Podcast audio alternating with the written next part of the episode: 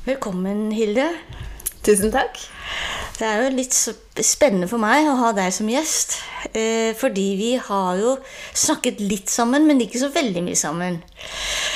Og det jeg pleier å begynne Kveldsmatpodden med, er jo å spørre hva har du gjort i dag? Og i dag har jeg Jeg er veldig glad i mandager. Jaha. Ehm, Jeg, liker, jeg har funnet ut at det handler litt om at jeg liker begynnelser. Jeg, synes, Ja. jeg, liker, jeg liker begynnelsen på et nytt år, jeg liker første dag etter ferier. Altså, og så liker jeg hverdager. Så i Ja. hvert fall, i dag gikk jeg friskt og freidig av sted til eh, kontoret mitt. Jeg er jo frilanser, men jeg leier et kontor, og jeg elsker å gå på kontoret. Det har alltid likt skikkelig godt å gå på kontoret. Så når jeg ikke har en jobb eh, hvor du hører med et kontor, så liker jeg å leie meg inn på et kontorfellesskap eller et kontor. ja.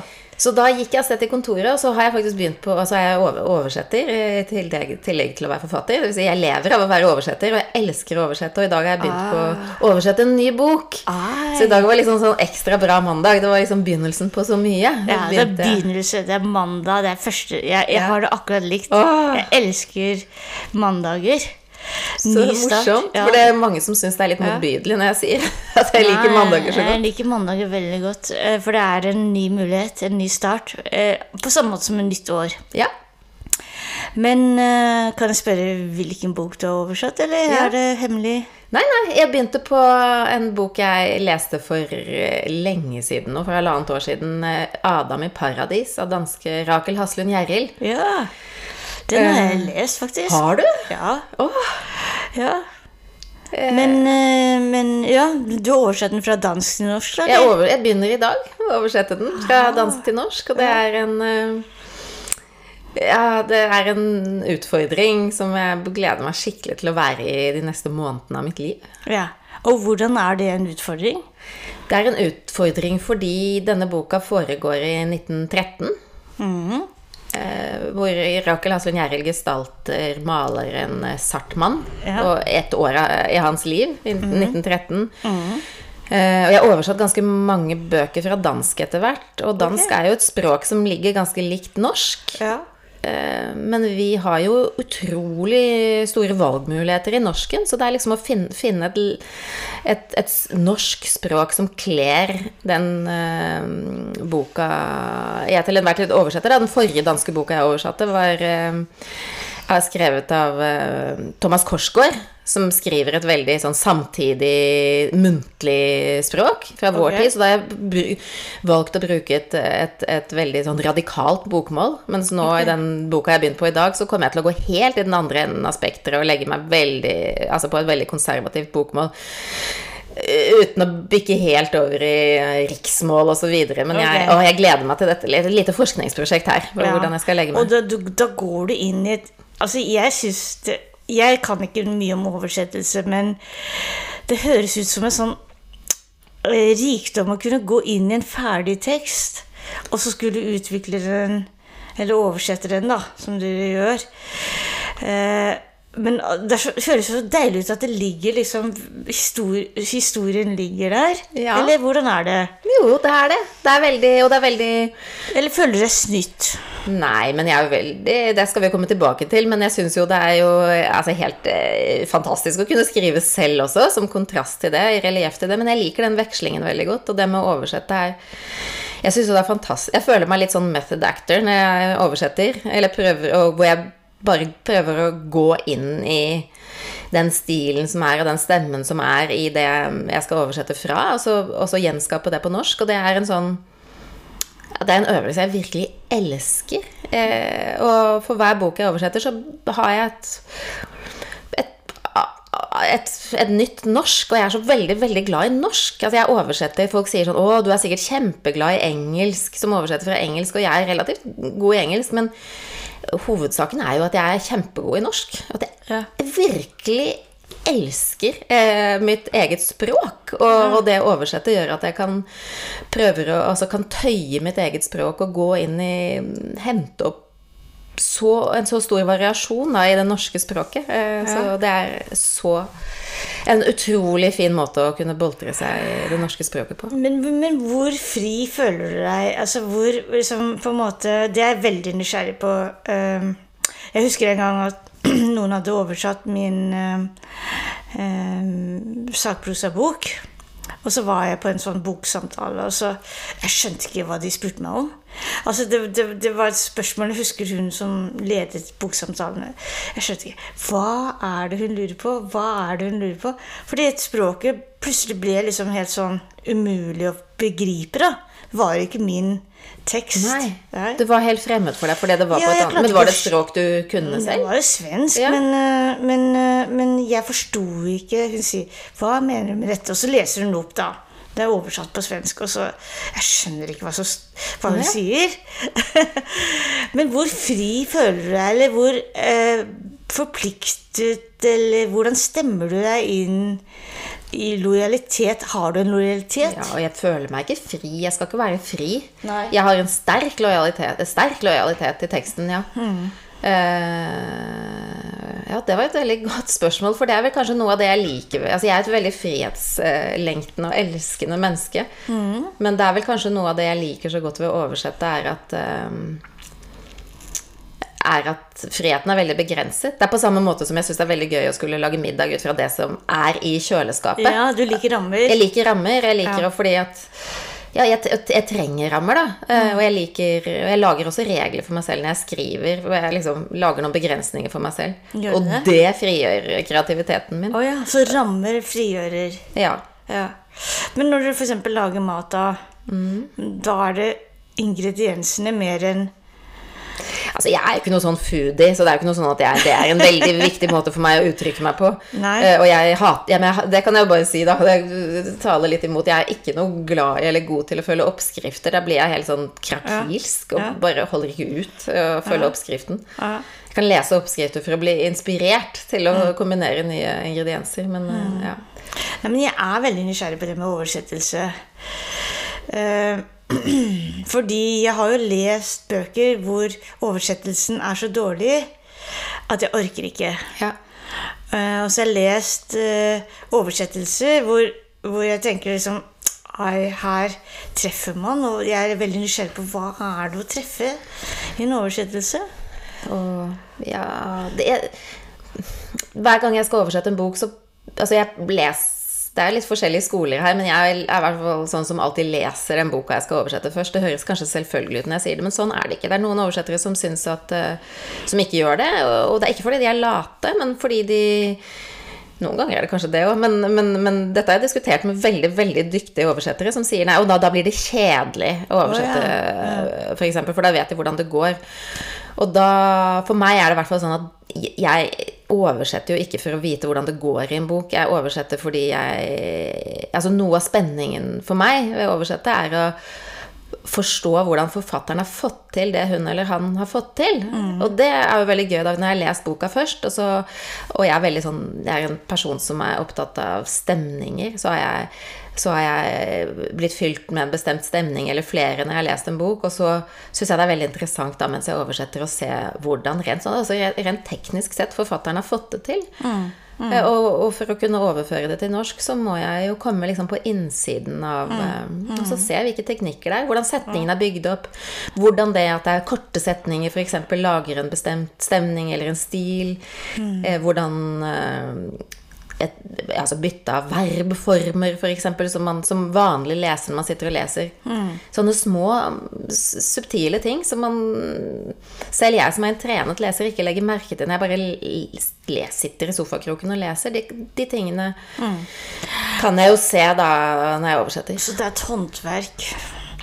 Det er både en kunstform og et håndverk, Ja. men jeg er veldig glad i håndverk i det. Ja, ja, for dette er et håndverk i, å prøve å forstå For det er, det er jo det som er den derre tragiske lost in translation-ideen, ikke sant? Altså Som jeg kjenner meg veldig sånn igjen i når jeg leser oversatte romaner.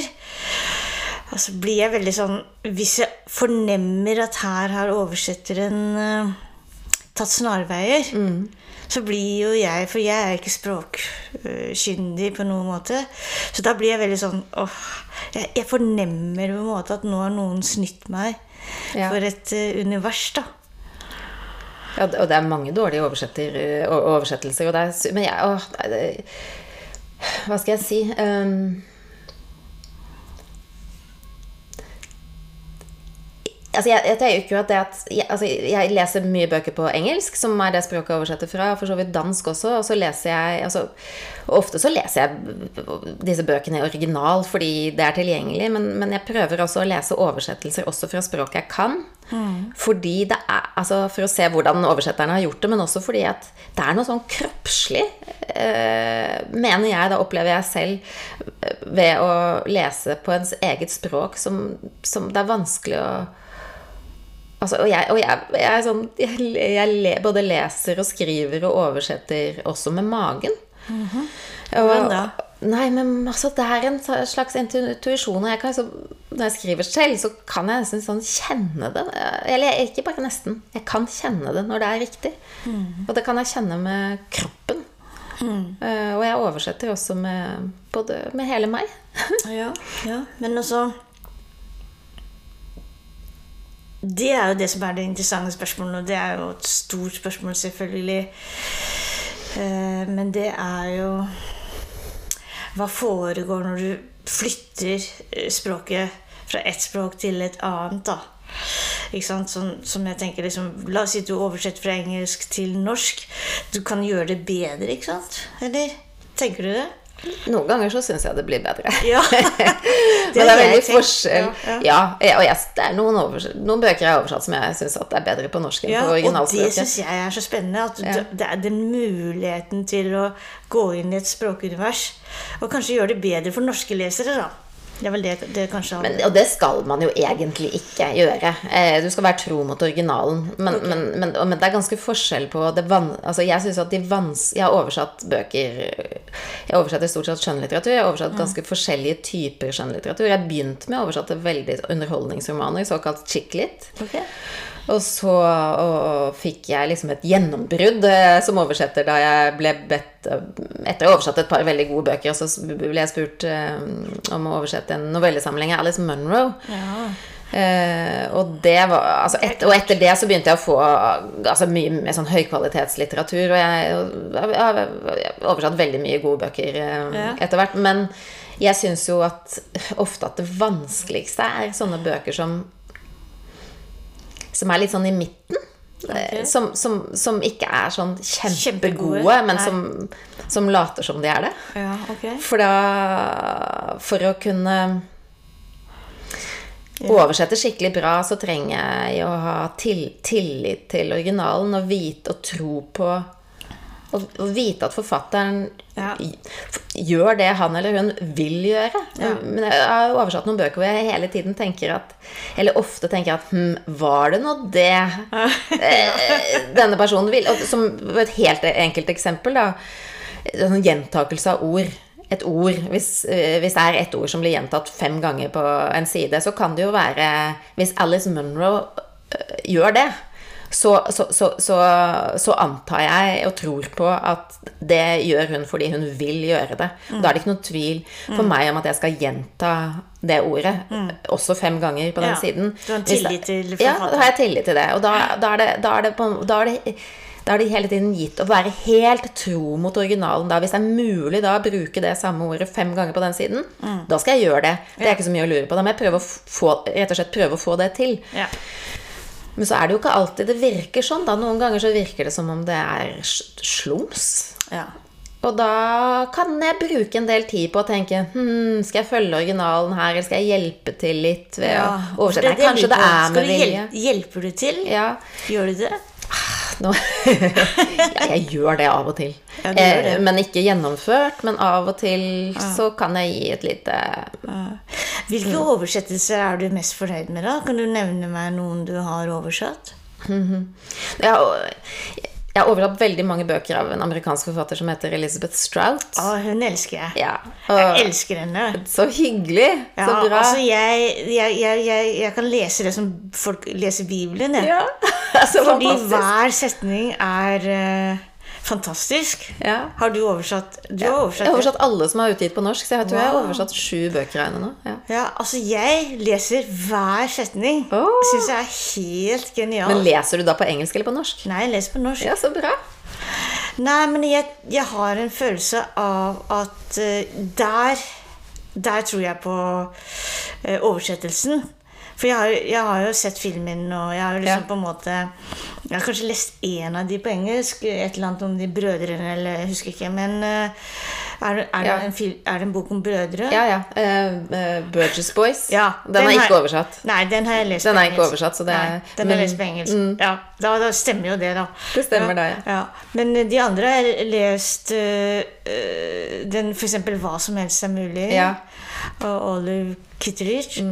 Og, og jeg opplever at altså det Hvis du har oversatt det, så må jeg bare si gratulerer. Tusen takk! Nå ble Ja. jeg kjempeglad. Ja. Nei, men altså det mener jeg, for det, det, er, det er en oversettelse jeg hviler i. Ja. Fordi For det første så skriver hun helt fantastisk. Men oversettelsen de, de, Den dialogen De dialogsetningene De er helt fantastiske. Ble kjempeglad. Og der er det jo, hun er jo med, ja, I Norge så er det jo de bøkene som har kommet ut, er de som er de Olive, eh, såkalte Olive Kittridge-bøkene, og så er det Lucy Barton-bøkene. Og de er to helt forskjellige personer. Hovedpersoner, da, Lucy Barton og Olive Kittridge, som du vet. Og der har jo Olive har jo liksom sitt sine uttrykk på norsk, Ja, og, men mens det- Lucy Barton er noen andre. Ja, de er veldig forskjellige. Mm. Og det er liksom, for meg er det mye lettere med Olive Kittridge, fordi det er litt sånn ja, jeg, jeg, jeg elsker henne, da. Jeg elsker henne også, men jeg liker begge to på forskjellige måter. Ja, Um, det er sikkert på forskjellige måter. Jeg har ikke vært så fascinert av eh, men, men det er fordi det er mye mer subtilt, det er mye mer krevende eh, storymessig, fordi det er så fortettet med Olive og Hen, Hen, Henry, er det? ja. Ja. Nei, men eh, nå skal vi ikke snakke om det. Men, eh, men det var jo veldig hyggelig for meg å høre. Det var gøy for oss å oppdage nå underveis. Ja, men altså jeg, for meg er det Det, det er eh, Det er vår tids Alice Munro, da. Sånn som Ja, jeg tenker det. ja.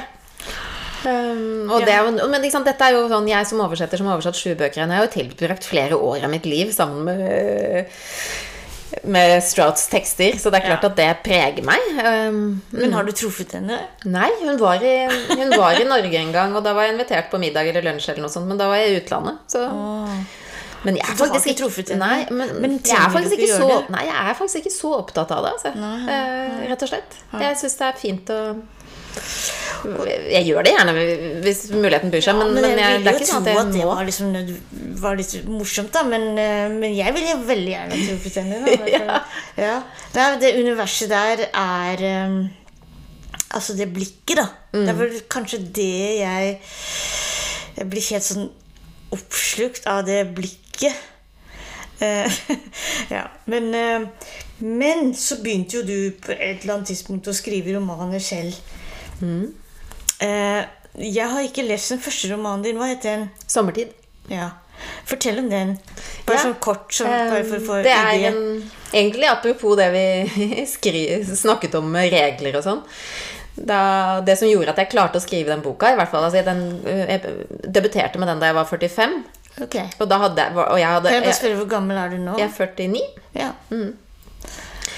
Men jeg eh, hadde da drømt hele livet om å være forfatter. Det tror jeg, altså det er liksom det jeg har villet være hele livet. Men har, det er ikke sånn at jeg har sittet og skrevet Jeg har ikke noe sånn upubliserte manuset i skuffen. Nei. Første gangen jeg altså, satte meg ned og skrev, en, skrev et bokmanus, var, var i sommertid.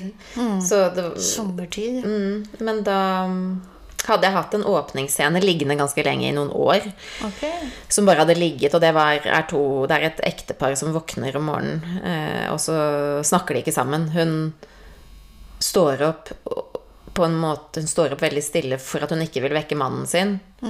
Og han ligger helt stille og later som om han sover. Og det, er- og det er åpningsscenen. Og, og så gikk jeg faktisk i flere år og lurte på hva det var, var greia med de to. hva, hvorfor snakker de ikke sammen? Hva er de? Så, så gikk jeg så jeg, tenker, jeg liker å tenke når jeg går, så jeg var ute og tur og tenkte, så fant jeg etter hvert ut Ja, nei, han er ganske mye eldre enn henne, han har vært gift før, har barn fra første ekteskap, mens de er ikke barn sammen, og så videre. Og, og, og så tenkte jeg å ja, han har akkurat blitt pensjonist. Sånn er det, hun drar på jobb mens han blir hjemme og skal finne ut av det pensjonisttilværelsen. Så gikk jeg og tenkte mye på det. Eh, uten å liksom presse. Det var ikke noe sånn at jeg stressa med at jeg skulle skrive mer. eller noe sånt. Ja, ja. Men det var i hvert fall da jeg, uh, var jeg, da jeg Det slo ned i meg at alt i denne romanen skal utspille seg i løpet av et døgn. Ah. Hva, hva, hva, hva gjør de to hver for seg? Hun drar til byen for å dra på jobb, han blir hjemme på Nesøya, der hvor de bor i hans barndomshjem. Ja. Hva, gjør de eh, i løpet av det døgnet? Eh, Og, og alt skulle utspille seg i løpet av et døgn, men også da med muligheten for at, ikke sant? De er jo tenkende mennesker. Det er fortalt i tredjeperson, men veldig tett på. Så man er inni hodene deres. Og da er det jo naturlig altså De får assosiasjoner som gir tilbakeblikk til tidligere i livet. Så man får noen puslespillbrikker til å skjønne hvordan de traff hverandre, bakgrunnen deres osv. Så, videre. så det var da jeg skjønte at det skulle utspille seg i løpet av et døgn. Og så skjønte jeg en annen ting, og det var at dette døgnet skulle være det første sommerdøgnet i Oslo. Å, ja. Og det er fordi jeg, det, det, jo noe, det gjør jo noe med folk. Altså årstidene. Jeg elsker årstidene, men det, den der Ja, ja. følelsen det gir den, altså Man skal være ganske spesielt menneske hvis man ikke som nordmann Hvis det ikke er Det setter seg noe spesielt igjen den aller første varme dagen i året. Man Så det, merke til det. Ja, så det er liksom de føringene jeg hadde da jeg hadde den åpningsscenen. Og de to karakterene, og så skulle det være i løpet av et døgn, og så skulle det være det første varme sommerdøgnet. Og så skrev jeg. Og det, jeg visste egentlig ikke mer enn det. Og det var en veldig fin måte å skrive på. Nei. Eh, men eh, du bare, var, du bare åpnet deg for teksten. Du hadde ingen intensjoner. Du, ville, du visste ikke hvor du ville Nei. med de. Og det var jeg veldig opptatt av, rett og slett.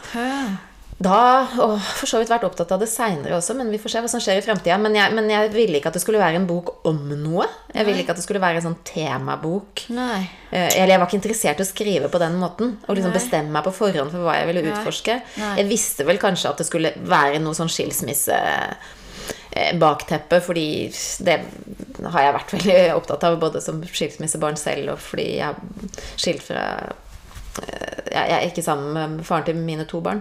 Okay. Så det, jeg visste at det ville være, være til stede på en eller annen måte. Da, men det er et tema som du tenker at det, det ville du utforske på et vis? Eller? Nei, Nei jeg ikke tror det ikke det. Nei, jeg, det var litt sånn steil. Jeg ville ikke, ville ikke det, at jeg skulle utforske. Men jeg, jeg trodde at det kom til å dukke opp, og det, det gjør det. Men, men, men ja, det er masse små og jeg, hun, Forlaget mitt var litt eh, sånn matt av meg, tror jeg, da vi skulle liksom lage salgstekster og sånn til den boka og snakke om og hvordan vi kan selge til pressen og sånn, for jeg var veldig sånn steil på det. Men nei, men det er ikke om det, det er ikke om det. Nei. Og det er masse tematiske tråder der.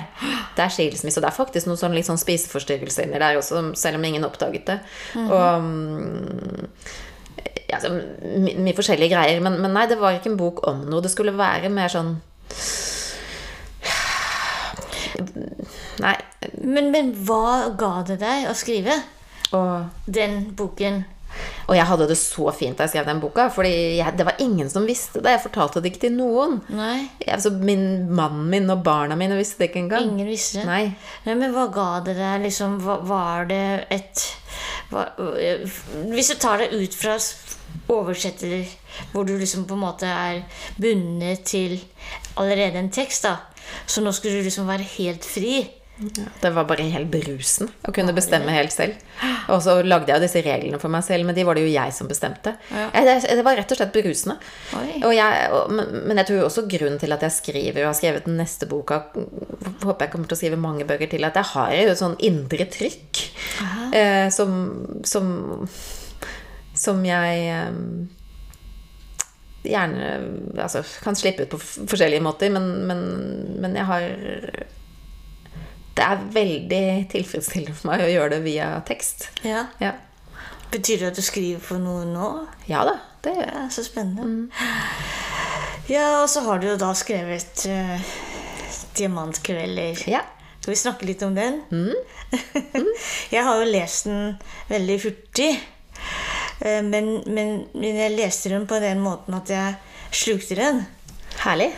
Ja, det syns jeg. Eh, Det er jo veldig sånn rart for meg, fordi eh, jeg leser den litt eh, sånn eh, med mange sånne agendaer eller ting i hodet. Men, men jeg ble veldig tatt av historien, faktisk. I seg selv. Og det var en sånn veldig deilig leseopplevelse at ikke alt det støyet rundt. Ja. For det skal vi jo komme tilbake, alt det støyet rundt utgivelsen din. Men at jeg, at jeg, på en eller annen måte så fikk jeg liksom et sånn rom Hvor jeg kunne være i romanen uten å tenke på støy. Ja, så fint. Og oppleve støy. Eh, Så jeg har lyst til at vi skal snakke litt sånn rent om diamantkvelder. Med glede. Ja, ja. Kan ikke du, Hilde, fortelle litt om den For, for det første, jeg er nysgjerrig på hvordan kom du i gang? Hvordan kom ideen? Og hva handler den om for deg? Det begynte med at jeg har rett og slett Jeg har et så veldig sterkt behov for å skrive. Eh, og så Og så ville jeg så gjerne skrive en bok som var annerledes enn debutromanen min. For da hadde jeg på en måte Nei, da, og det handlet om at jeg ville skrive på en annen måte. Jeg hadde, jeg hadde på en måte funnet en måte å skrive på. Jeg hadde ikke lyst til å bruke samme teknikk, da.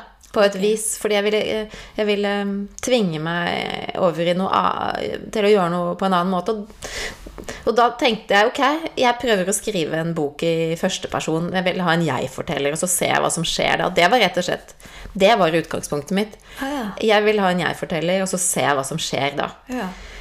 Og så igjen så satte jeg meg ned og så skrev jeg en åpningsscene, som er blitt det som er åpningsscenen i romanen. Og igjen så er det et ektepar som ikke snakker sammen. Ja. um, hvor Han, han, skal reise. han skal reise bort og være Han jobber, han jobber på universitetet, og han skal ha et semester på et universitet i utlandet. Og så skal denne jeg-personen, som er da 48 år gammel, øh, være igjen alene i leiligheten i Oslo sammen med sin datter, som er 17 år gammel.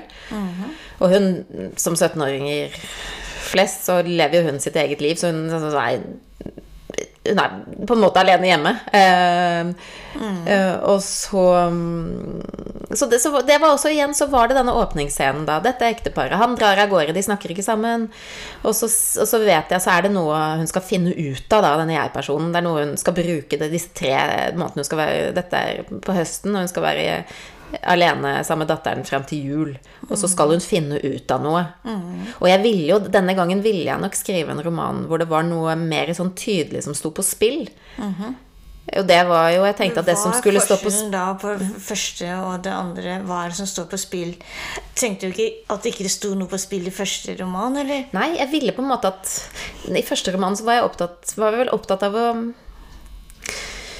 Skjønte jeg etter hvert opptatt av å vise frem hvor hvor dramatisk eh, det er å bare være et helt vanlig menneske en helt vanlig dag. At jeg okay. At det er Og jeg var opptatt av at jeg skulle skrive om vanlige mennesker. At det ikke skulle være noe sånn spektakulært på noe vis. Da, Nei, nei, ok. Som preget dem, eller som skjedde med dem. Fordi eh, Ja. Det er ja.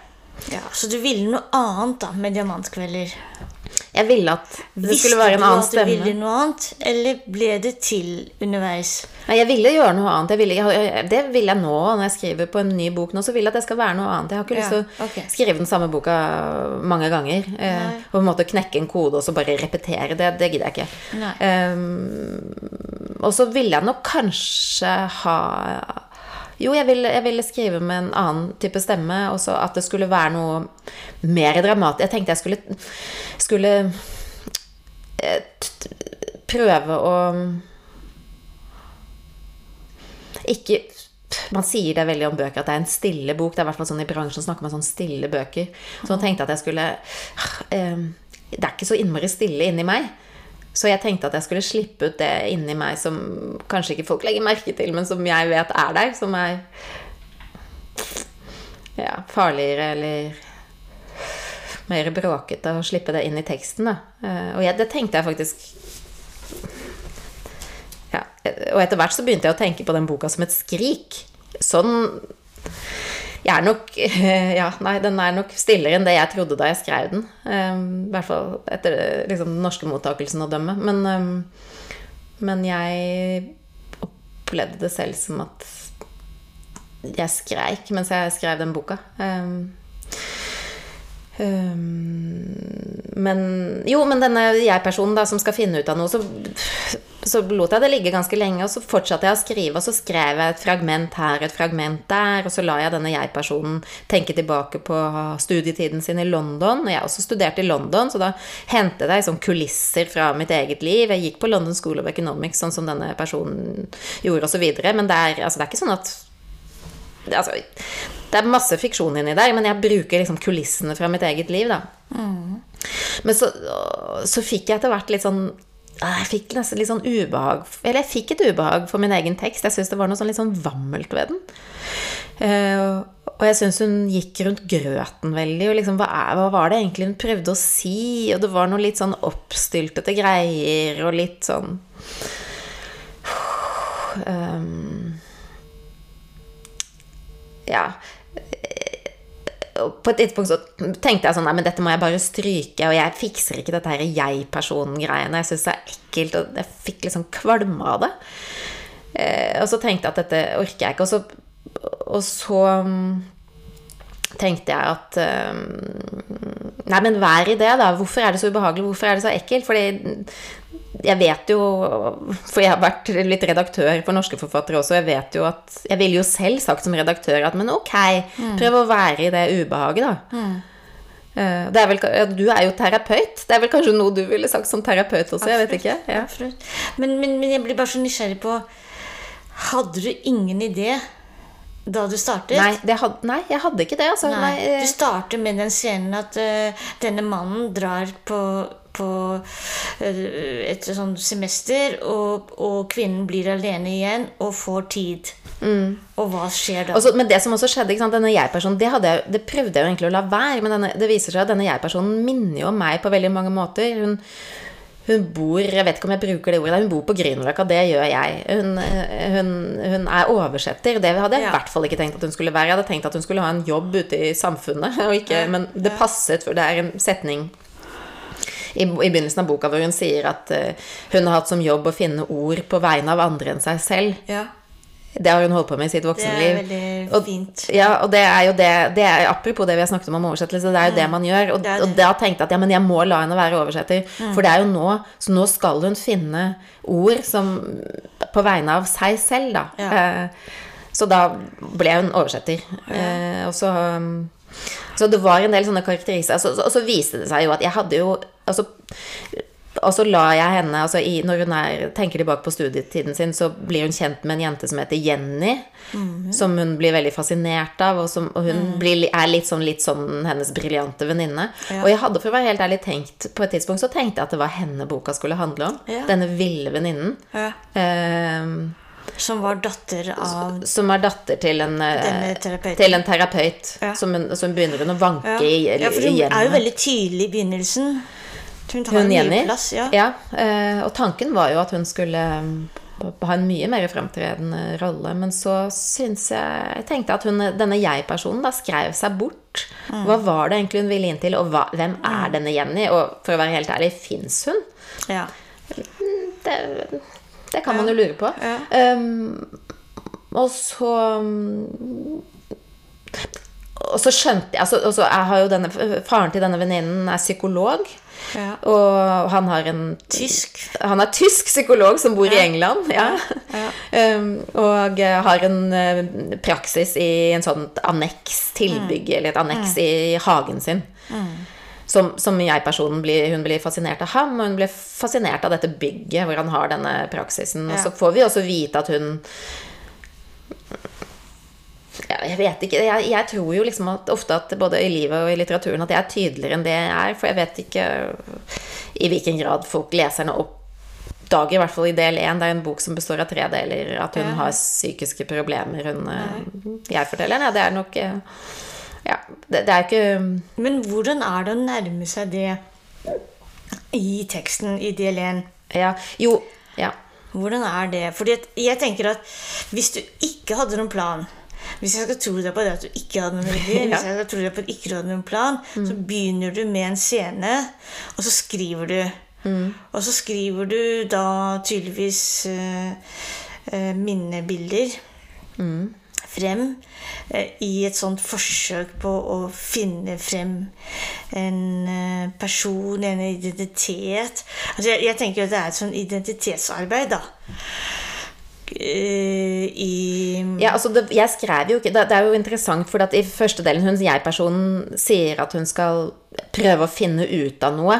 Og så Ja. hun setter seg ned og skriver. Det er, det er hun som skriver. Det er hun som skriver. Det er hun som skriver fordi at hun skal finne ut av noe. Ja. Og, og det, er, det er helt sant. Jeg satte meg ikke ned for å skrive den boka. Jeg, Hildred Larsen, begynte ikke å skrive den boka for at jeg skulle, jeg skulle finne ut av noe. Jeg har liksom Jeg har sånn Jeg skal ikke være Jeg, jeg har ikke vilje, jeg vil ikke liksom være en sånn og jeg, Det er ikke det at jeg mener at det er noe galt å være en sånn temaforfatter som skriver om et bestemt tema. Det er ikke noe galt i det, men jeg har ikke lyst til å gjøre det. Og jeg ville heller ikke være en forfatter som ja, Det skulle i hvert fall ikke være noe terapeutisk.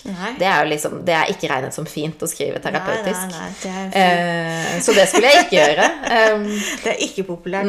men, men i hvert fall så Men da kan jeg fortelle hvordan den formen kom på. Så følte jeg dette uh, sterke ubehaget og hadde lyst til å forkaste hele manus. Men så skjønte jeg jo at det jeg skjønte at disse mange fragmentene det, i det som er blitt del 1, peker mot noe som hun, jeg-personen, viker utenom. Og så skjønte jeg jo da at det var noe jeg vek utenom i meg selv. For at hun mer og mer så, så kom hun nærmere og nærmere meg, da, denne jeg-personen. Fra å begynne med liksom så, så, Og da Og det er jo jeg nysgjerrig på. Ja.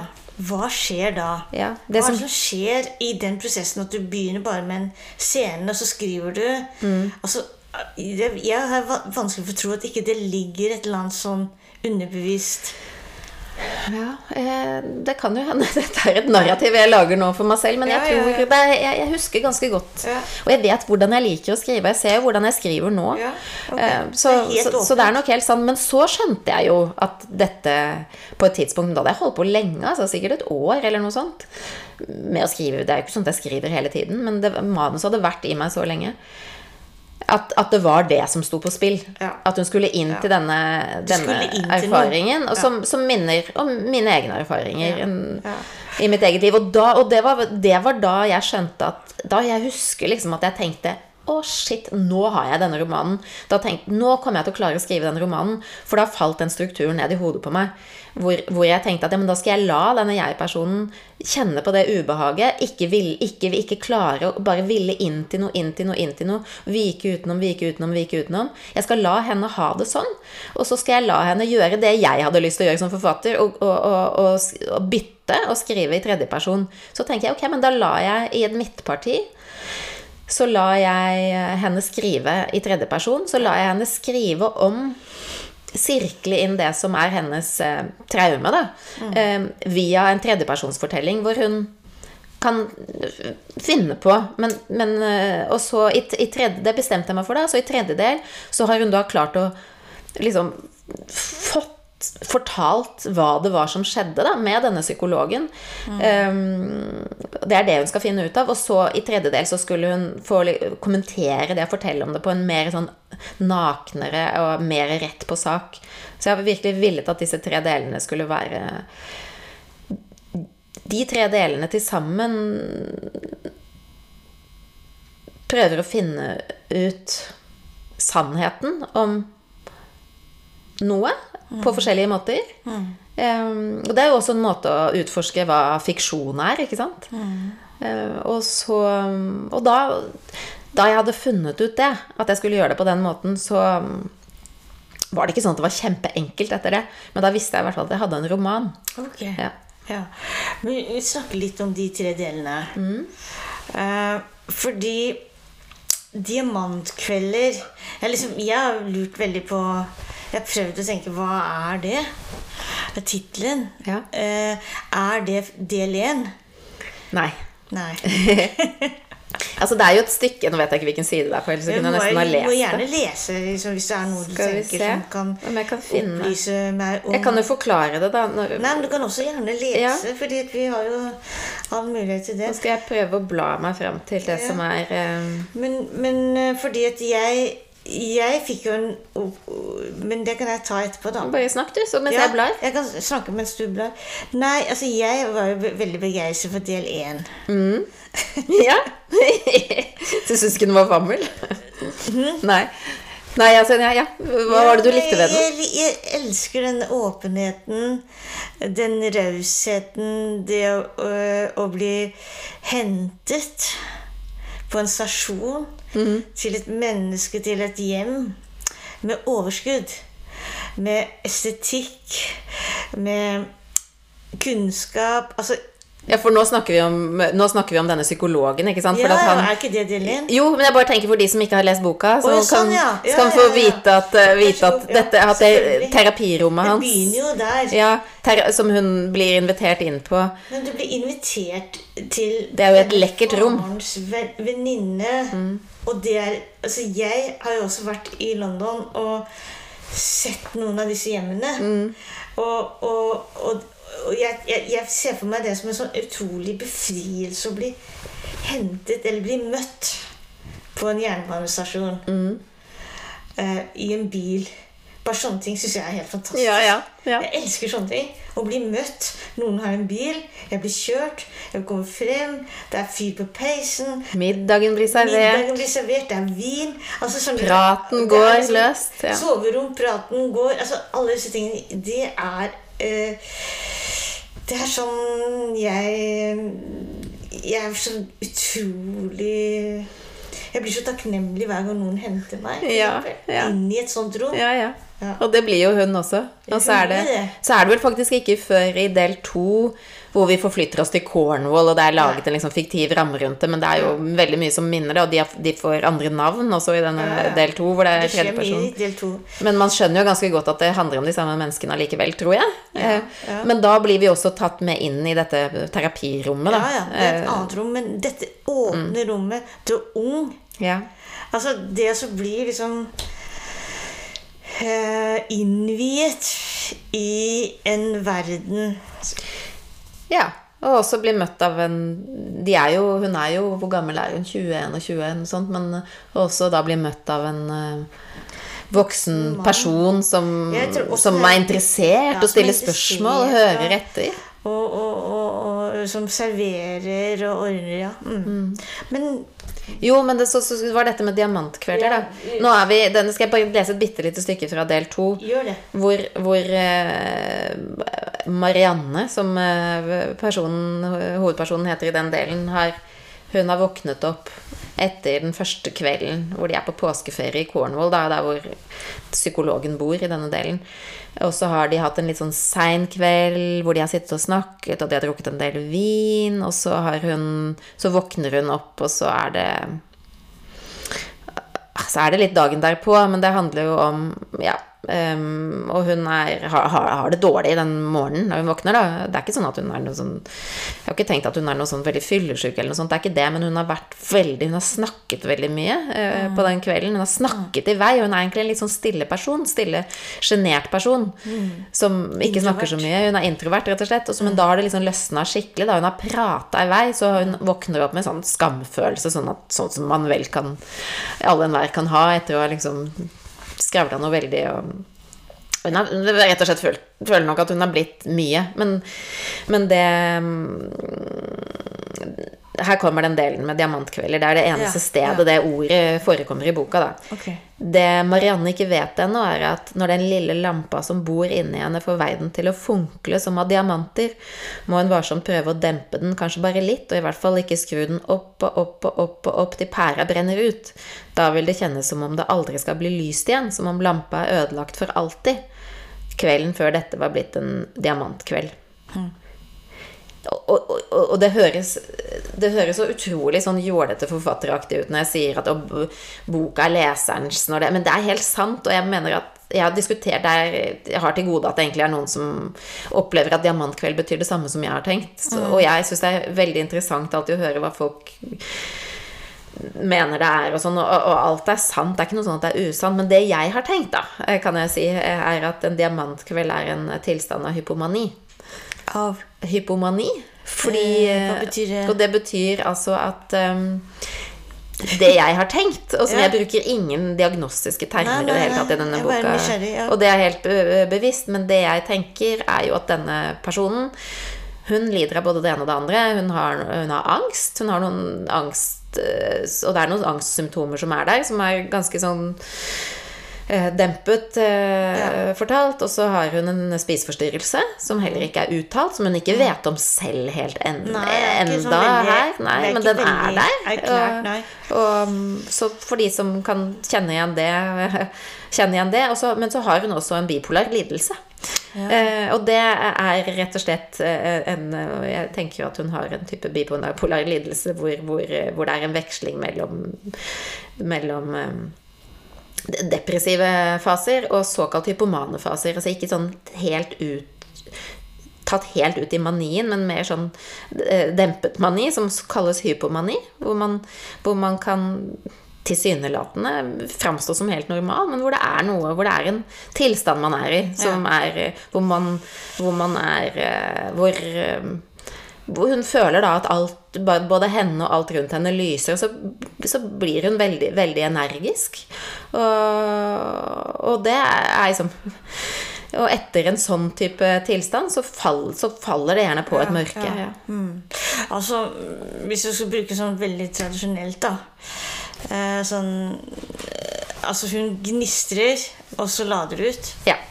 Rett og slett. altså, for det ser jeg for meg altså det, jeg, jeg, ser for meg i det at hun i de øyeblikkene og i de møtene gnistrer, og så lader hun helt ut. Og det kan vi jo kjenne igjen alle sammen. Jeg kan kjenne igjen det ja. fra mitt liv. Jeg kan gnistre en kveld, og så dagen etter så er jeg sånn Faderullan, hva hva er jeg, og hvem er jeg? Og, ja. og, og, det tror jeg sånn Her sier jeg det, for jeg har tenkt at det, disse diagnosegreiene er bakenforliggende, men det, det, det, er liksom ikke så relevant. Og jeg synes jo at, tenker jo at alt det som er inni denne boka, det er liksom innenfor bare sånn det menneskelige repertoar. Ja, okay. Eksempel det som driver henne inn i, på terapibenken og ha sex med denne Nå kan vi foregripe litt her og si at altså, det som er kjernen, det som hun skal finne ut av, var at hun endte opp med å ha eh, sex på terapirommet, på terapidivanen til denne psykologen, som i boka er faren til venninnen. Og, og, og, og hun har ikke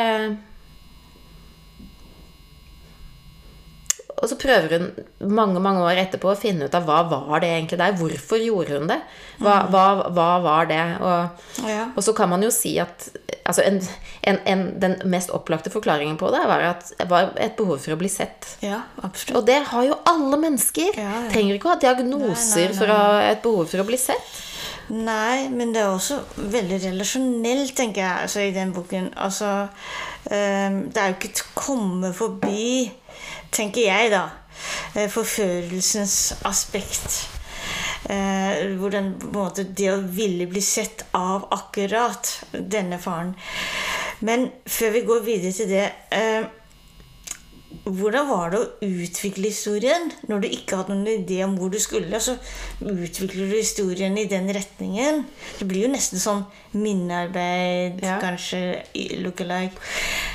Det var tilfredsstillende. Et, etter at jeg hadde funnet ut at jeg skulle ha de tre delene, så ble det sånn så skrev jeg fortsatt ganske intuitivt. Sånn det falt ting ned i hodet mitt, så tenkte jeg å, det passer i boka, jeg skriver det. Ja. Og det var en blanding av fiksjon og egne minner og ting jeg tok ut Altså det var en blanding av alt mulig, de fragmentene. Men, men det som var veldig, det som var en viktig del av arbeidet, der var jo å finne ut hvor hører det hjemme. Mm. Hører det hjemme i del én eller del to eller del tre? F.eks.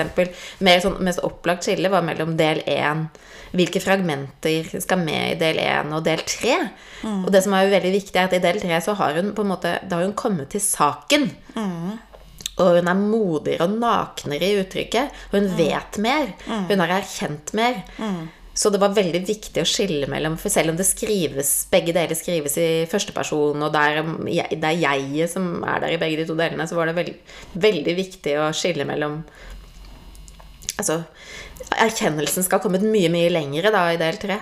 Ja. Selv om jeg syns jo ikke hun har hun har jo ikke erkjent alt. Nei, nei. Eh, det er jo Det er ikke sånn at hun Det, det er jo vanskelig også, tenker jeg. Ja. Men det jeg lurer på, hva er det som skjer med deg mm. underveis, når du da fra å ikke ha noen idé om hvor du skal, ja. og så begynner du å utvikle del én, så, så, så sier, er du veldig transparent da, i romanen hvor du sier 'Nå kommer jeg ikke lenger'. Mm. Eh, hva skjer i det øyeblikket du skriver den setningen? Nå kommer jeg ikke lenger. Men det er faktisk helt sant, da, for da jeg prøvde, så kom ja. det opp. Nå har jo det kommet for en dag i ettertid, at, at, altså, at det jeg har skrevet om i fiksjonsform i denne romanen, for det er virkelig en roman, det er fiksjon. Ja, det, er fiksjon. Eh, det springer ut fra erfaringer jeg har hatt selv med en, med en terapeut. En psykiater har det jo kommet for en dag her nå, eh, som, som jeg um, traff i en privat sammenheng da jeg var ung. noen, noen og 20 var jeg. Jeg var litt eldre enn hun i boka. Eh, og så mm, Altså hadde og jeg hadde sex på i terapirommet hans, på den terapibenken hans, på et hvitt laken, sånn som, eh, sånn som det foregår i, i boka. Og det var jo altså utrolig Altså det var så fælt og ubehagelig for meg å gå inn i det. Og, én ting det var Ubehagelig på to måter. Eh, to, hovedsakelig to måter. Og det første var å gå inn i det og så prøve å huske hva var det som egentlig skjedde. Og når jeg skriver sånn 'nå kommer jeg ikke videre', så er det jo fordi at jeg selv eh, Det klarer ikke jeg da å komme videre i. eh, Å komme videre i. Det er altså Jeg sier et eller annet, altså at hun refererer til før og etter. Og det, det som er imellom, det er selve akten. Og det mm, orker ikke hun å gå inn, og det, går, det, gjør, det gjør ikke jeg heller. Eh, rett og slett. Eh, og jeg, jeg vet ikke om det er fordi jeg har noe sperre på det, eller fordi jeg ikke husker. Dette er jo langt tilbake i tid, men, men sånn, sånn er det, rett og slett. Og det, så sånn måtte det være i boka. Og i stedet for at jeg skulle dikte opp noen greier der, så tenkte jeg at det er, helt, det er også psykologisk eh, troverdig, da. At hun Ja, for da, tar du jo et grep og sier at 'jeg kommer ikke lenger', så begynner du å skifte navn. Mm.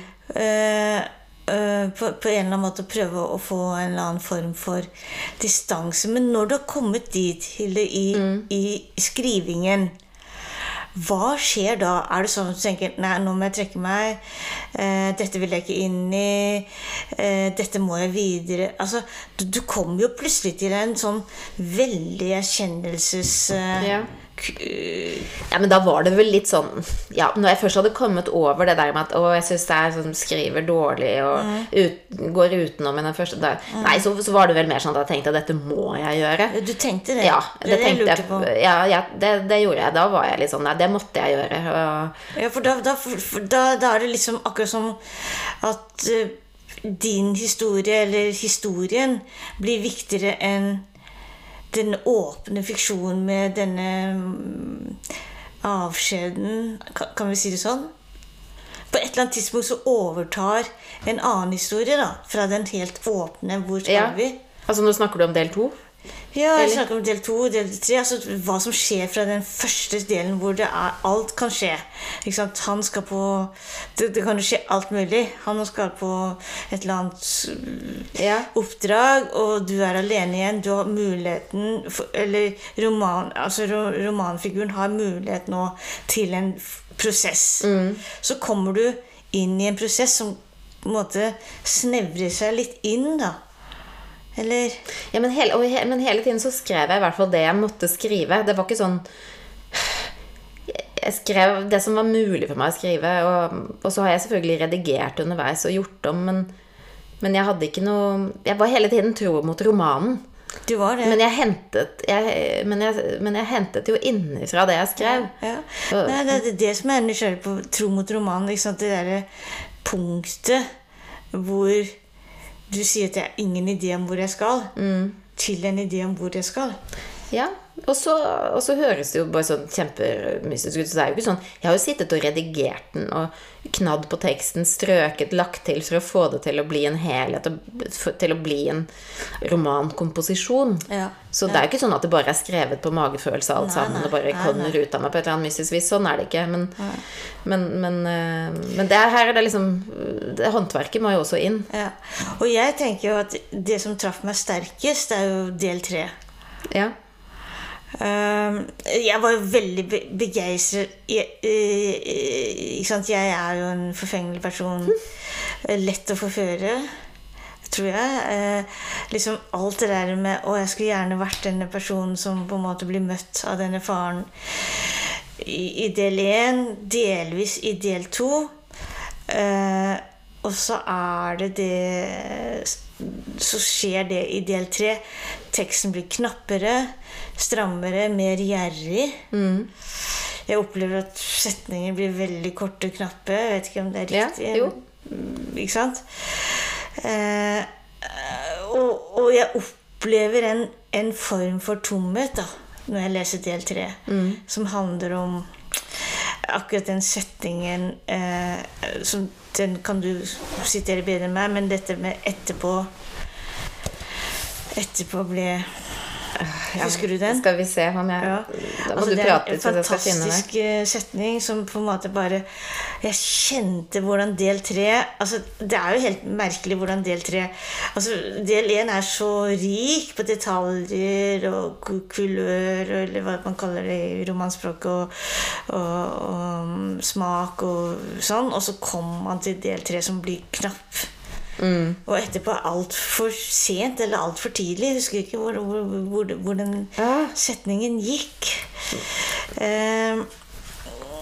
Mm, men det jeg opplever da i, i del tre, er jo den eh, hovedpersonens forsøk på å prøve å forstå hva, hva slags relasjon er dette? Kan jeg stole på den? Prøver å oppsøke den, prøver å finne ut av og opplever den form for eh, anorektisk eh, relasjonell eh, Ja. Finner du det? Nei, men for, hva var det Er det Etterpå det er med altfor sent, eller etterpå er altfor eh, Etterpå er alt det er Altså etter at de har hatt den siste Ja. møte, oh, ja. så er det en setning Det, det kan jo leserne eller ja. lytterne selv Etter at de har hatt det siste møtet, etter at han har vært hos henne? ja, det er sånn Etterpå er alt altså Jeg husker bare jeg, jeg, Det fogg i meg at uh, uh, Den opplevelsen av at etterpå Jeg tror kanskje ikke jeg finner det. Jeg Nei, jeg... men det er ikke så viktig. Nei. Det kan folk, eh, folk de, de må lese den. lese. De må lese den. Fordi for meg er det eh, Etterpå går altfor langsomt, tror jeg den er. Ja. Mm. Eh, og, og det er en sånn metafysisk samtale om eh, For meg liksom dette med at Nå vet man ikke lenger hva man skal tro, eller hvor man skal orientere seg, hvor hovedpersonen skal orientere seg. Dette her at det blir bare Det blir bare mindre og mindre og mindre og mindre eh, verdifullt. Og det blir sånn knusktørt. Eh, og da, da syns jeg Da tenkte jeg for meg at sviket for meg, da jeg leste disse tre delene, her, er nettopp den eh, tomheten mm. etterpå. Ja. Altså det at man bare klapper sammen Den kliniske Man klapper sammen eh, laken og Altså den kliniske avslutningen etterpå kommer altfor fort, eller eh, Etterpå varte aldri lenge, tror jeg det er. Ja, der Ja. er den. Etterpå varte aldri Ja. lenge. Ja, ikke sant? så at det var etterpå, det var for etter, etterpå hun var der. Ja, ja, Altså, sånt. Ja. Men at etterpå varte aldri lenge. Ja. For det var etterpå at hun ja. Eh, Altså det skulle liksom være belønningen, da. Ja, ja. Belønningen for å, å ha Jeg synes det var en helt. Mm. nydelig setning, iallfall. Og, og det, det er liksom noe av det mest sånn fattige i å lese dette. Hadde det vært en kjærlighetsrelasjon, hadde det vært en sånn Ja, sånn Du skjønner hva jeg mener? Sånn For det er jo det som er Det er jo egentlig det Apropos med det med kjærlighet, da, det er jo det som boka er jo en utforskning av hvorfor har Agnete, eh, denne hovedpersonen, hvorfor har hun sex med en psykolog i boka på terapirommet hans gjentatte ganger uten at hun føler noe fysisk begjær? Ja. For det er jo sånn, hun har aldri, hun føler aldri noe Nei. eh, seksuell dragning mot Nei. ham. Det er ikke begjær. Eh, Hun er jo ikke forelsket i ham. Så oppsøker hun det, prøver å finne ut av Ja. det. Prøver å utforske det. Og og så gang på gang så viser det seg at det blir mindre og mindre for hvert møte. da. Ja, det er det det gjør. Og Altså, det er jo det som jeg tenkte på etterpå. eh, Det, eh, altså at, at del tre griper meg så sterkt. Det er liksom, det faller fra hverandre. Det smuldrer i teksten. Mm. Det som var i del én, og delvis i del to, det bare smuldrer. og det, takk, for det, det er jo det jeg har villet òg, som, jeg- som jeg har vært opptatt av Som viste seg å bli én tematikk i boka, da, det er jo dette her eh, som jeg er veldig interessert altså jeg har, Og jeg har en dyp kjærlighet til menneskene. Og jeg synes at, og dette er noe Elizabeth Strauss forresten skriver veldig veldig fint om. Sånn, men, om det der vi, åh, alt det vi gjør, vi menneskene, for å holde ut. For å, hun sier vel et eller annet sånt for å holde mørket unna. Og hun sier også i en av Olive Kittridge-bøkene at man skal ha respekt for alt det menneskene gjør for å holde mørket unna. Um, og, Ja, eh, og det, jeg opplever liksom det der, det, den smuldringen Det blir tørrere, det Ja. blir Og, så, jo, og det var det jeg skulle, Nå kom jeg på hva jeg egentlig skulle si, og det er det med disse historiene vi forteller oss. fordi at sånn, Det ligger jo, det er jo så iboende i det å være menneske. Det er jo noe av det som gjør oss til mennesker. ikke sant? At vi har et språk, og i det så ligger det at vi lager sammenhenger. Vi lager, setter sammen ord til setninger, vi setter sammen setninger til avsnitt. Vi setter sammen altså vi, Og så lager vi fortellinger. Og vi lager eh, fortellinger om, om andre. Vi lager også fortellinger om hvem vi er. Og det jeg det mener som menneske, da, og som jeg mener utforsker gjennom boka, Ja. er at noen av disse fortellingene er falske. Ja. Det er noen historier som er sanne, som vi forteller oss om selv, og noen som er falske. Mm. Og noen Vi trenger på en måte litt av de der falske historiene, tror jeg, for å kunne holde ut oss, selv for å klare å navigere i verden. Men noen av disse historiene fører oss på ville veier. Mm. Ja. Og hun har jo eh, Agnete har jo Det har vært et traume i hennes liv, denne eh, sexen hun hadde på den terapibenken da hun var ung denne, men hun har ikke holdt ut at det skulle være noe problematisk. Hun har ikke holdt ut at at hun har skullet vært et offer, da. Og det er jo bare ett, På ett tidspunkt i den boka så, så bruker jeg ordet offer. Eh, og og da sier hun vel at hun har tenkt at hun, det orker hun ikke. Eh, hun orker ikke det. Ja. Eh, Og så blir det aldri brukt igjen. Og det er ikke sånn at boka slutter med at hun sier at jeg er et offer, og jeg er veldig sint på denne mannen Nei, som har begått nei. urett mot meg. Sånn er det overhodet ikke. Eh, Men hun, hun utforsker det.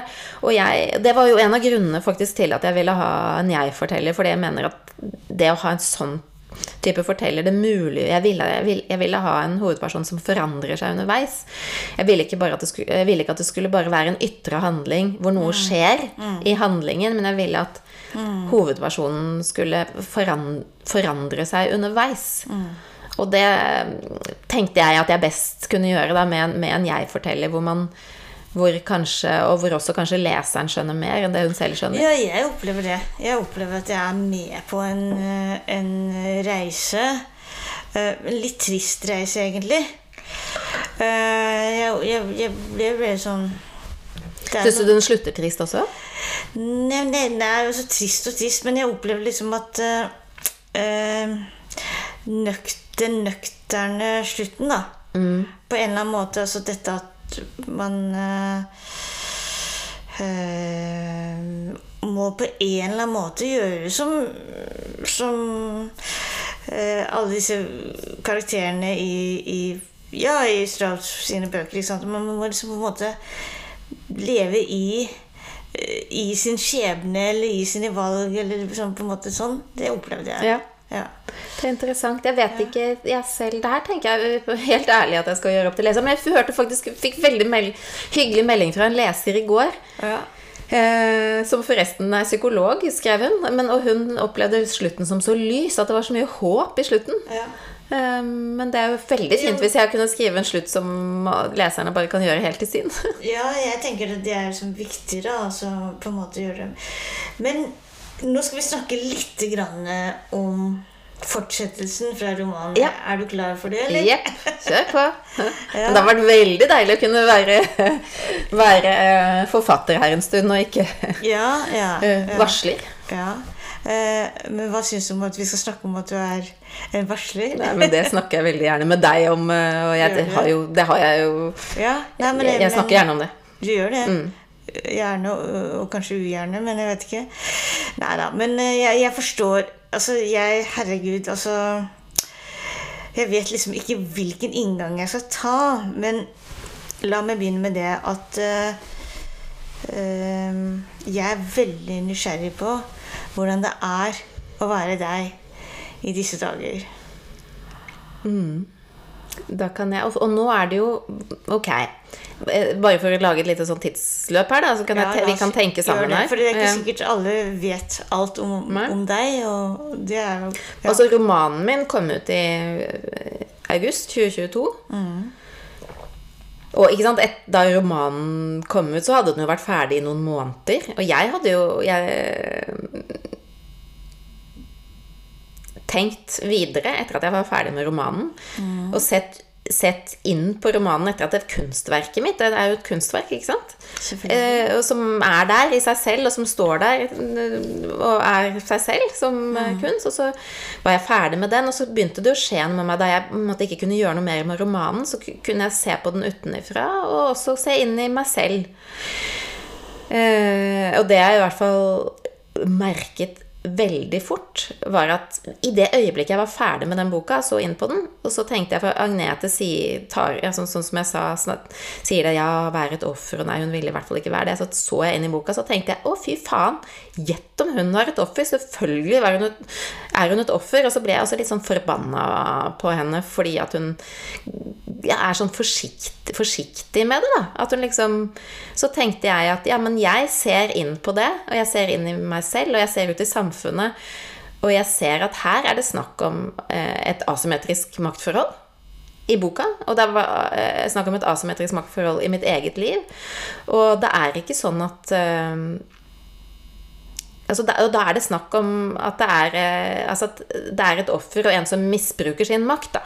Eh, og Det er jo sånne begreper som ikke blir brukt, i roman, og det er jeg veldig glad for. Jeg er kjempestolt av den boka. Syns at det er en god, god Ja, roman. den er veldig fin. Eh, og den har jo fått en eh, Den har kommet på den listen Ja, nå er den eh, altså den har fått Ja, den, er- jeg, jeg synes Den har fått fått, god den har fått god mottakelse. Mm. Veldig sånn stille og forsiktig først, og så har den jo kommet ut i Danmark Den også. er Der har den fått veldig, veldig god mottakelse osv. Så, videre. så det skjer masse fine ting rundt den boka som eh, som et kunstverk. Men jeg merket i hvert fall at altså, den romanen er jo helt fri for sinne. Det skjer jo ting som man kunne godt kunne blitt sint for i den boka, men det var ikke noe Det var ikke et sinne som drev meg da jeg skrev boka, og, og hovedpersonen er heller ikke preget av noe sinne. Ja, men jeg merket at da jeg sto utafor romanen, så ble jeg sint.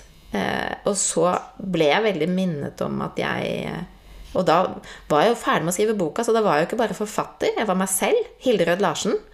Og ikke jeg-personen i en roman, men Hilde Rød Larsen. Og jeg, Hilde Rød Larsen, er også en samfunnsborger. Ja.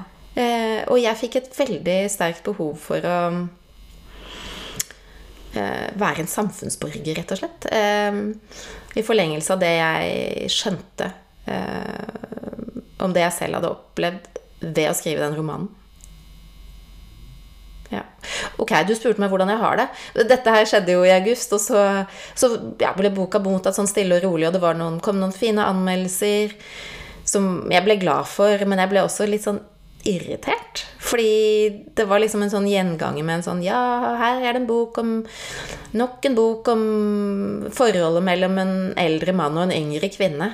Og når det liksom hadde kommet for tredje gang, så ble jeg hva i faen i helvete? Ja, det er en, en eldre mann og en yngre kvinne. Det er et asymmetrisk forhold. Men det er da ikke det som er kjernen i asymmetrien her. Eh, Det er jo helt Jeg syns at det var sånn er det, Skriver jeg så subtilt? Er det, er det ingen norske kritikere eller journalister som ser at det, det, kjernen i denne asymmetrien er at det er snakk om en behandler og en, et, et menneske som er sykt? Mm. det Ja, det provoserte meg i grunnen. For å være helt ærlig. Fordi at jeg, jeg, jeg, jeg, syns faktisk det var litt sånn utrolig. At det ikke var noen som, noen som så det. Så fikk de ikke noe god hjelp av det, for det var ikke noe sånn De fikk ikke, de fikk ikke noe suffli på det, da, så de måtte jo oppdage det på egen hånd. Mm. Men det gjorde de ikke. Eh, Og så Men så ble jeg kontaktet av en eh, dansk journalist. Peter Nilsen i Danske Informasjon. Eh, som hadde lest boka, som hadde kommet over boka litt sånn tilfeldig, fordi jeg, altså jeg jobbet en del i Danmark, så boka mi var liksom sirkulerte litt eh, i, i, i Danmark, den norske boka. Han hadde lest den, og han syntes den var kjempegod. Mm. Eh, og han så at det var Altså her var den Han så denne asymmetrien, da. Ja. Mm. Um, og, og, og, ville gjøre et intervju med meg. Og jeg var åpen overfor ham om at det sprang ut fra egne erfaringer. Ja. Eh, og så hadde vi mange diskusjoner om hvordan vi skulle løse det av anonymitetshensyn osv. Så, videre. så det var en ganske lang prosess med det intervjuet, som var et litterært intervju som ble trukket i boktillegget til informasjon, og hovedsaken der er eh, er, det er et langt intervju og grundig intervju eh, som, hvor vi snakker om det samme som vi har snakket om, om komposisjon osv. Så videre. så kommer vi også inn på den tematikken med, mm. Med, med asymmetrien osv. Og, så og så sier jeg også at det springer ut fra egne erfaringer, noe jeg for øvrig ikke la skjul på i Norge heller. Det, jeg ga et intervju til, dame, altså til bladet Tara før boka gikk ut, hvor jeg sa rett ut at springer ut fra egne erfaringer med å ha blitt utnyttet av en terapeut på terapirommet. Sånn at, men det var liksom Det ble bare liksom aldri fanget opp.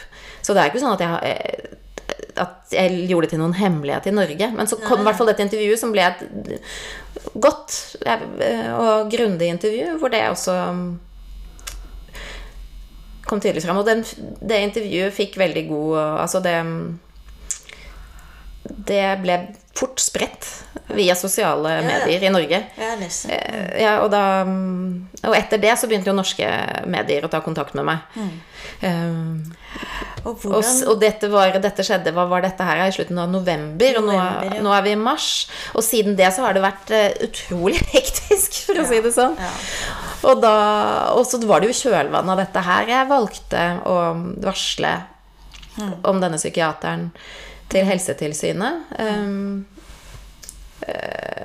så ble det, kom det inn i formelle rammer på den måten. Mm. Og det, en, det, er jo en formell prosess, og selvfølgelig mm. krevende og belastende på forskjellige måter. Og, så, og, fortsatt så er det jo Nå ligger det jo saken hos uh, helsemyndighetene, da. Og så har det jo kommet en, en, god del andre varsler i kjølvannet mitt. Mm. Så nå Ja. ja men, men tilbake til hvordan er ja. det å varsle? Nei, vet du hva. Det er jo helt forferdelig. Ja. Eh, men jeg, jeg, må jo si at jeg, har Jeg tror jeg er skrudd sammen på en litt spesiell måte som jeg ikke har angret på at jeg har gjort det. Fordi okay. um, og jeg har jo ikke bare varslet, men jeg har gjort det på en veldig offentlig måte. Og ytret meg og bilder svære bilder av meg blitt smurt utover diverse ymse saker, som jo, ikke, som jo også har vært ja, ting jeg har fortalt selv, men også av kritiske røster som mener at eh, mediene bedriver en heksejakt osv. Og, så og jeg liksom Både navnet mitt og ansiktet mitt har jo blitt veldig eh, utsatt. Men hva skal jeg si? Jeg ehm, Det jeg har skjønt, da har, Jeg har lært så mye underveis i denne ja, prosessen her, ja. er at å varsle, ikke sant? Når man skal varsle til Helsetilsynet Jeg var jo aldri vedkommendes pasient eh, formelt. Jeg var syk. Mm. Eh, og han ga uttrykk for at han skjønte at jeg var det, og sendte meg et kapittel av en bok han skrev om den sykdommen jeg led av. Så det var liksom ganske åpenbart at han inntok en leges uh, rolle overfor meg, men jeg var aldri pasienten. Og så foregikk det jo som sagt på terapirommet. Men de andre, altså stort sett de som varsler helsemyndighetene om leger, de er jo pasienter. Ergo så, så er de syke. Ja. Og det er jo noe sånn jeg, jeg, føler meg veldig naiv som ikke har tatt dette inn over meg før. Fordi det er noe Altså, det er så Jeg blir både sint og lei meg og fortvilet ved tanken på det. Hvor, hvor mye som skal til for at man skal kunne orke å gjøre det hvis man er helt frisk, ja. så er det jo kjempeskummelt, ekstremt ja, krevende og belastende. Og, ja. og, det har vært utrolig tidkrevende for meg. Sånn at jeg har jo brukt opp alle sparepengene mine på å bruke tida mi på dette her. Sånn at, men jeg eh, Jeg er eh, jeg, jeg, jeg, jeg, er på et sted i livet mitt hvor jeg tenker at det kan jeg by på. Jeg vil gjerne by på det. Jeg hadde nå de sparepengene mine jeg kunne bruke på det. Og jeg har skrevet en roman som jeg er kjempestolt av, som har gitt meg en plattform å snakke fra, som har gjort at jeg Ikke sant, det er jo ganske sånn Du kan jo lett føle deg ganske ynkelig ved å klage på Varsle om at du er blitt utnyttet seksuelt eller blitt dårlig behandlet av en lege. Em, det er eh, Og jeg har jo måttet liksom fortelle meg selv at jeg ikke er ynkelig. Og det har hjulpet meg veldig at jeg har skrevet en roman jeg er stolt av, og gitt meg en sånn kraft. Og Som også blitt veldig anerkjent. Og blitt anerkjent. Og så er det jo også det at fordi at jeg er forfatter og jeg lever av språk, så kan jeg jo uttrykke meg. Og det, det, er, og det er jo ikke tull at eh, Altså, det, det gir jo en eh, en hjelp til at jeg kan ta kontroll over situasjonen. At jeg har kunnet svare på usaklige Ja. kronik- kronikker som har gått på min ære og helse løs. Jeg har, jeg har, kunnet, jeg har ord i min makt. Jeg kan svare på det. Og det gjør at jeg har orket å stå i det, og kan gjøre det Men, men det er jo ikke alle forunt. Nei, nei, virkelig ikke. Og det er veldig forskjellig. Men, men, men, men bare ta, la oss ta et sånt skråblikk. Forstår du noe av kritikken mot deg? Er det noe Ja, nå, nå, du forstår? nå skal det sies at jeg syns jo ikke jeg har fått så mye kritikk direkte mot meg. Det er mer sånn indirekte at det er kritikk av mediene som har, som har videreformidlet okay. varslernes historie. Du har ikke opplevd at du har fått direkte kritikk? Nei, det har jeg faktisk opplevd i veldig liten grad. Nå driver ikke jeg og tråler kommentarfelt eller mm. sosiale medier. For jeg har liksom bestemt meg for, og det har ikke vært noe spesielt vanskelig å holde det, og i størst grad forholde meg til eh, redaksjonsstyrte medier og, og det som foregår på mine egne plattformer, på, altså på, på Facebook, da. Um, og det har vært lite sånn trolling eller sjikane og hets. Jeg har fått veldig lite av det. Det må jeg si. Det, Det er godt å høre, da. ja, um, Det er godt å høre. Men allikevel så har dette kostet deg. Ja, ja, veldig. Det er jo Og hva har det kostet mest, tror du? Um, Jeg syns at det mest belastende er det som ikke folk sier til meg. Jeg vil veldig gjerne at Jeg vet at det er eh, At, eh, at det fins ganske mange, jeg hører det jo ad omveier, som er kritiske til det jeg gjør, og som ikke har tillit til varslernes historier osv. Og, så og jeg har så behov for å at folk skal se meg inn i øynene og si det. Det som er mest belastende for meg, er de som viker unna. Ok. Eh, og Og hvordan viker de unna? ehm, Ja.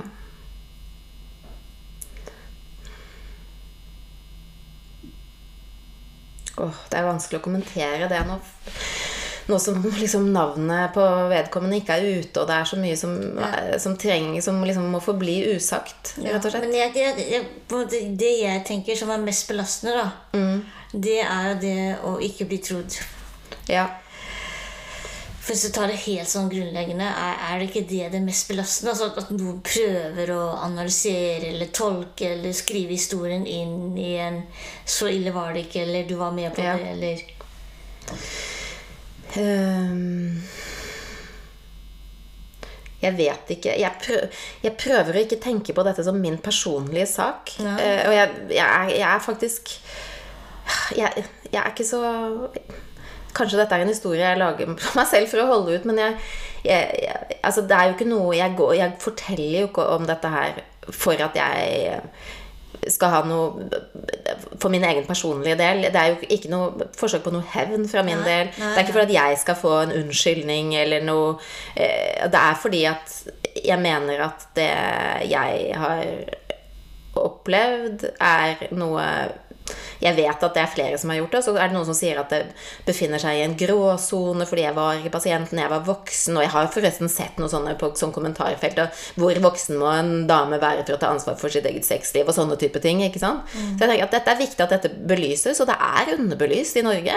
Den der asymmetrien mellom eh, lege og syk person, det har jeg jo skjønt at det har jo vært, altså det har vært veldig lite opp. Det er et, det er et underbelyst felt i samfunnet vårt, og innenfor psykisk helsevern og innenfor altså, Så det vil jeg gjerne by på. Jeg har jo skjønt det. Jeg har jo vært en sånn person som var veldig skeptisk til metoo i Ja, begynnelsen. si litt om det. Ja, Da metoo begynte og hashtaggen dukket opp sånn på min egen Facebook-vegg, og jeg så jo venner av meg og bekjente og metoo og brukte den hashtaggen, og jeg var virkelig sånn ja, Det skulle ikke jeg gjøre, i hvert fall. Det hadde veldig sånn instinktiv sånn greie med at ikke faen om jeg skal drive og si noe sånn metoo. Det er jo bare å Herregud. Og jeg kom jo på den ene episoden, liksom små episoder her og der, men jeg bare Det er jo bare å liksom reise seg opp og komme seg videre og ikke sutre og herregud. Det er jo har du- sånn hadde du helt fortrengt den episoden. ja, jeg tror jeg tenkte på en måte at det var relevant, men jeg var sånn ja, ja, men det er bare å liksom pytt og liksom opp og stå og komme seg videre, og, Mm. og, og, og også ved at det er noe sånn ynk... Ja, jeg tenkte at jeg var sånn ynkelig og sutrete, og skulle liksom øh, Og så skulle alle liksom ja, det, Jeg opplevde det som et sånt hylekor, Ja. og, og ville ikke Og så har jeg jo brukt lang tid på um, å å la det synke og så skjønne Og det, synes jeg, det er jo liksom litt sprøtt, da, for at jeg er utdannet sosiolog. Um, for mange år siden, riktignok, men, og jeg, men jeg er også så altså, og sosiologi, Sosiologiens kjerne er jo at det handler om skjæringspunktet mellom individ og samfunn. Og jeg kobla liksom ikke det på metoo helt. da Jeg så bare disse individuelle historiene og skjønte ikke helt hvorfor disse enkeltkvinnene sto fram med sine sånn begredelige offerhistorier.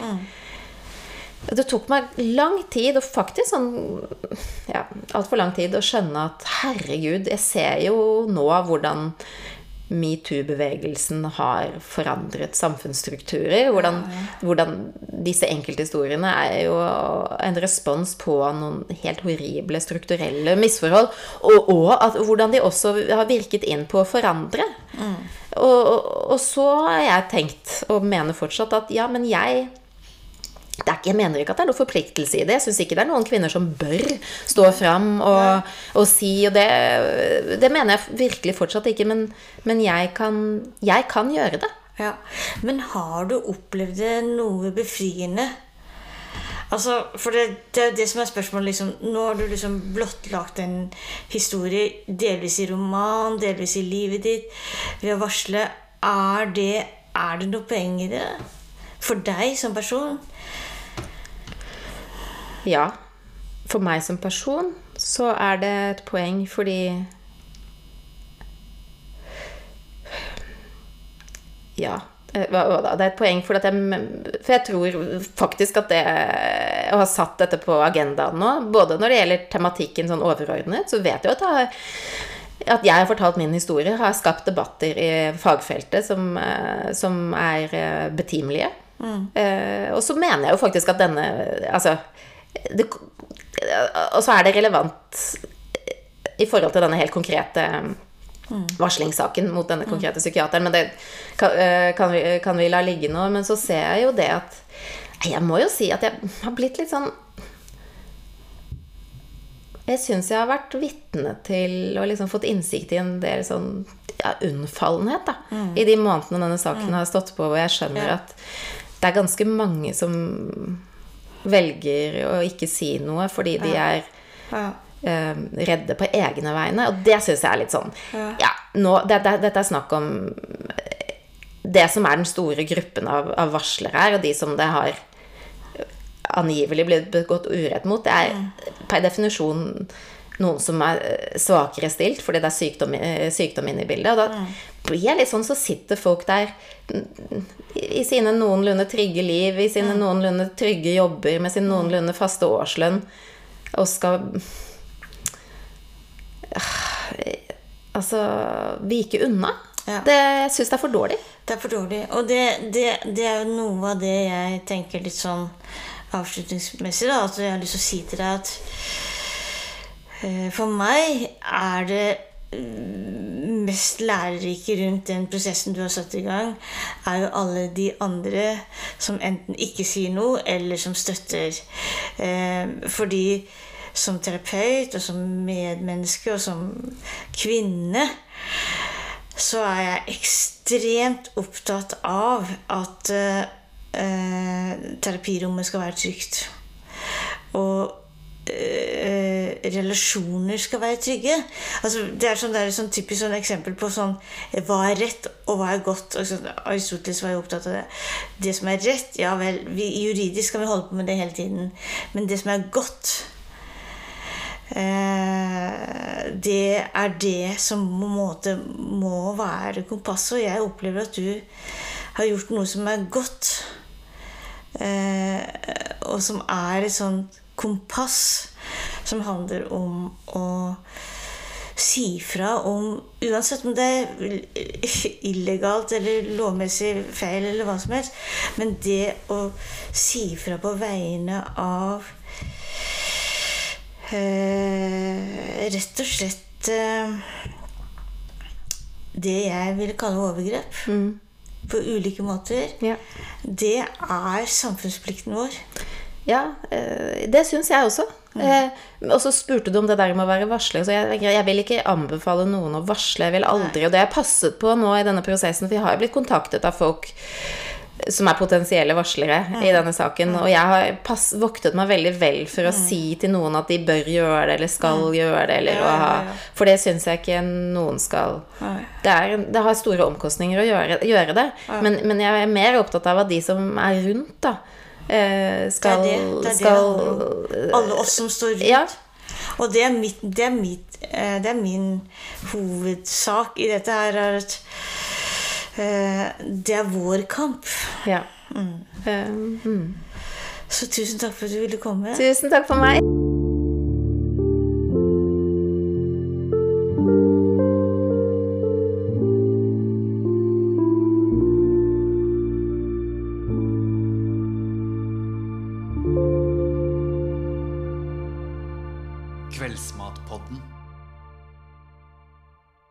Takk for at du hørte på Kveldsmatpodden.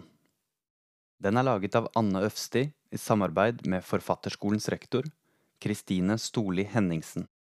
Musikk av Torjus Hepsø Gullvåg. Følg oss gjerne på Facebook og Instagram, hashtag Kveldsmatpodden.